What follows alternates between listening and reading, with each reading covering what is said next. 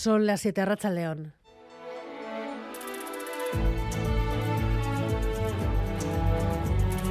Gambara con Arancha García. Buscamos la imagen del temporal ahora mismo en Donostia todo el día sin parar de llover y con los paseos más expuestos al oleaje cerrados. David Beramendi, Racha León.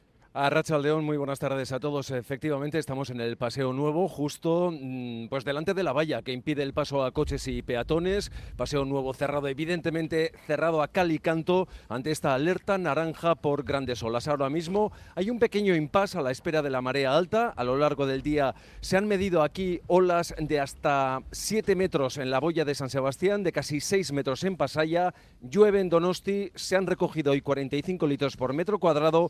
Ojo porque mañana añadimos otra alerta naranja más, en este caso por viento. El ayuntamiento cerrará todos los parques de la ciudad. En algunos puntos de Vizcaya se han llegado a recoger más de 70 litros por metro cuadrado. Los ríos bajan muy caudalosos. ¿Cuál es la última hora, Gary Suárez? Y es que Vizcaya es el territorio donde más se están notando las borrascas y donde, como decías, más está lloviendo. En la estación de Arteaga a esta hora se han recogido 75 litros por metro cuadrado, 72 en la estación del puerto de Bilbao y en más de una decena de puntos se han recogido más de 60 litros durante este día. En Guipúzcoa, pese a que ha llovido menos, también hay datos de consideración como los 63,8 litros recogidos en Cegama y en Araba las cifras bajan considerablemente. Como decía Sarancha, todo esto está provocando que los ríos lleven mucha agua. A esta hora, hasta cinco alertas amarillas activas por el nivel de los ríos en Euskadi y algún desbordamiento que otro, como el del Butrón a la altura de Munguía, que ha provocado cortes de carretera. De momento, los, eh, desbordamientos están quedando en eso, pequeños desbordamientos, algunos cortes de carretera. Y a partir de mañana,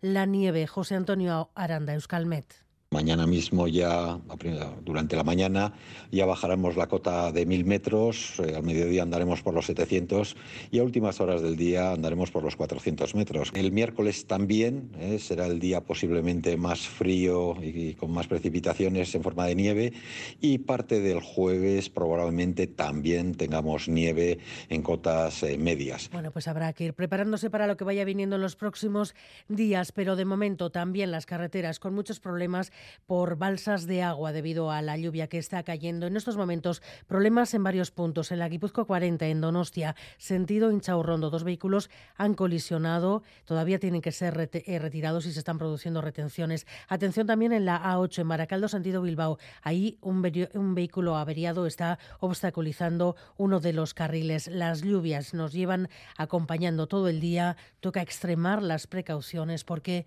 ya les digo, las balsas de agua son muy numerosas. Son los conductores de Vizcaibus tras la última agresión este fin de semana. En esos servicios nocturnos siempre hay follones, vamos. Los chavales se ponen, sobre todo por la mañana, los, domingos, ¿sabes? Se ponen rebeldes y no hay quien los pare. Y se te ponen delante para no dejarte salir. Inseguridad total, sí. A ciertas horas ya. Y bueno, durante el día también andamos eh, a peleas con, con la gente para el tema de mascarillas y toda esta historia enfrentamientos. Las noches son muy peligrosas, la verdad que no sabes con lo que te puedes encontrar.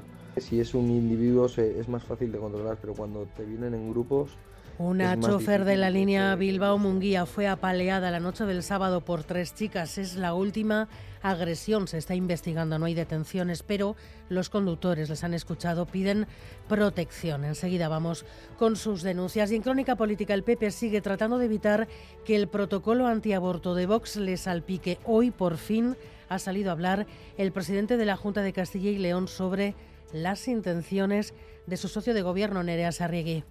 Sí, contradiciendo a sus socios de Vox, Alfonso Fernández Mañueco ha asegurado que en Castilla y León no se obligará a los médicos a nada, tampoco a las mujeres embarazadas o a las que quieran abortar, pero no queda claro del todo si el nuevo protocolo entrará en vigor o no. Para la Moncloa, las explicaciones son insuficientes y no levantan su amenaza de acudir a los tribunales si este protocolo se, acaba aplicando. Pide a Núñez Feijo que rompa su silencio, pero el PP trata de zanjar la polémica hablando de una guerra interesada entre Vox y Pedro Sánchez para obtener réditos políticos. ¿Y por qué sigue sin hablar Núñez Feijóo? ¿Por qué sigue sin pronunciarse? La explicación de Borja Semper.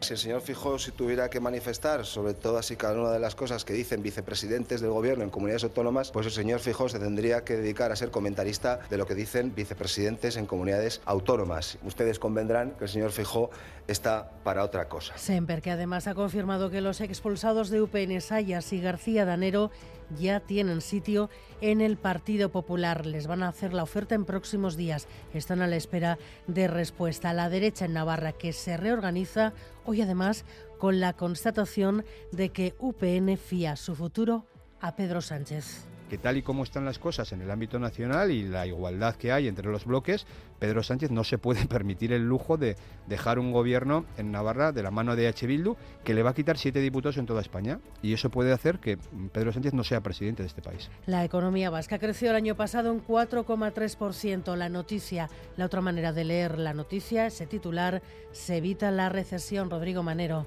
Sí, según el balance provisional del Eustat, el PIB de Euskadi ha crecido cuatro décimas en el último trimestre del año, mejorando las cifras de verano. Por lo tanto, no hay recesión y el acumulado anual llega al 4,3%. Si lo comparamos con el 5,9 de 2021, la desaceleración es clara, pero se sigue creciendo con avances en todos los sectores productivos y creación de empleo neto.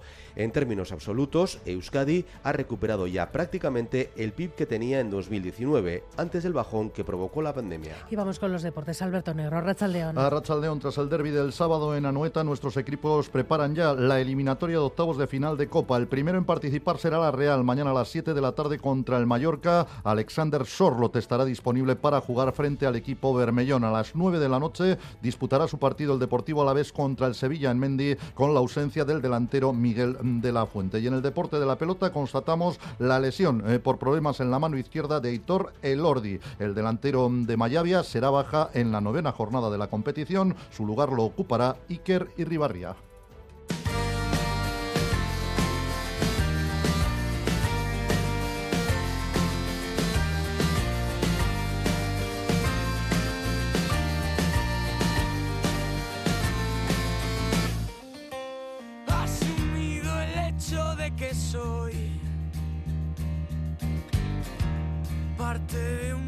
Bueno, la revista el jueves va a tener que dejar de salir como solía todos los miércoles. Irache Ruiz. Los cambios de hábitos, la agonía del kiosco y sobre todo el precio disparado del papel harán que el jueves deje de ser la revista que sale los miércoles tras 45 años haciéndolo de forma ininterrumpida. Guille Martínez Vela es su director.